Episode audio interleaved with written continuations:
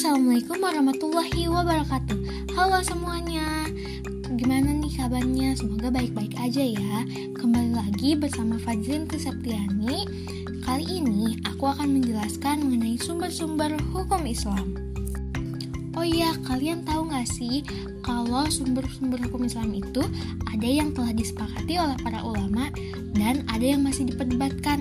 Kali ini aku akan menjelaskan yang telah disepakati oleh para ulama. Sumber hukum Islam yang paling utama tentunya Al-Quran. Kenapa ya? Karena Al-Quran adalah kalamullah yang telah diturunkan kepada Nabi kita Muhammad Shallallahu Alaihi Wasallam dengan perantaraan malaikat Jibril yang menggunakan bahasa Arab sebagai bukti atas kenabian atau kerasulannya disampaikan secara mutawatir dan membacanya bernilai ibadah loh kalian sering baca Al-Quran enggak? Iya, isi Al-Quran yaitu ada prinsip-prinsip akidah, syariah, akhlak, janji, dan ancaman. Lalu ada pula sejarah-sejarah nabi dan umat terdahulu, berita tentang masa zaman yang akan datang, dan prinsip-prinsip ilmu pengetahuan. Selain itu, ada banyak sekali yang terkandung dalam Al-Quran. Tempat diturunkannya Al-Quran tentunya ada di Makkiyah dan Madaniyah. Selanjutnya, adapun sumber hukum Islam yang kedua ialah As-Sunnah.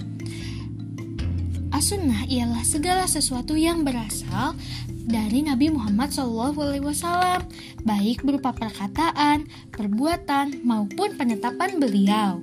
Bentuk as-sunnah ada tiga, kawal, fa'al, dan ikrar.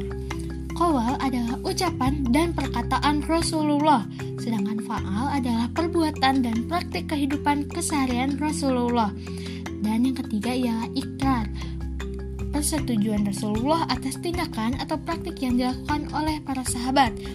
As-sunnah ini memiliki fungsi sebagai hukum kedua, eh, lalu ada sebagai bayan atau penjelas, dan men, e, untuk menetapkan hukum baru. Nah, yang ketiga ada ijtihad.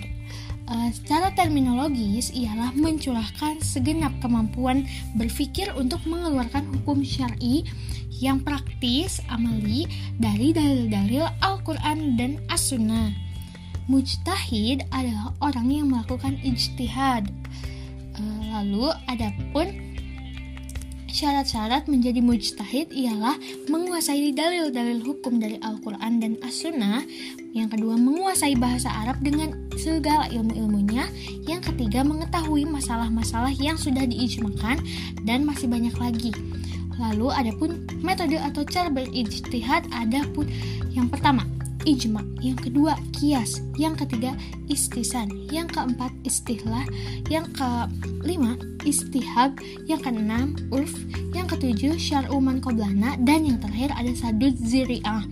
Sedangkan ijma e, definisinya yaitu kesepakatan ulama tentang suatu hukum sepeninggalan Nabi Muhammad Rasulullah.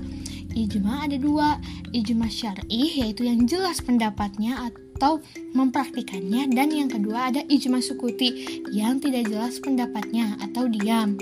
Kias yaitu sumber hukum Islam yang telah disetujui uh, definisinya adalah menyamakan hukum suatu masalah yang belum ada nasnya dengan hukum suatu masalah yang sudah ada nasnya karena ada persamaan ilat. Kasih telah menjelaskan. Mohon maaf bila ada perkataan yang salah. Wassalamualaikum warahmatullahi wabarakatuh.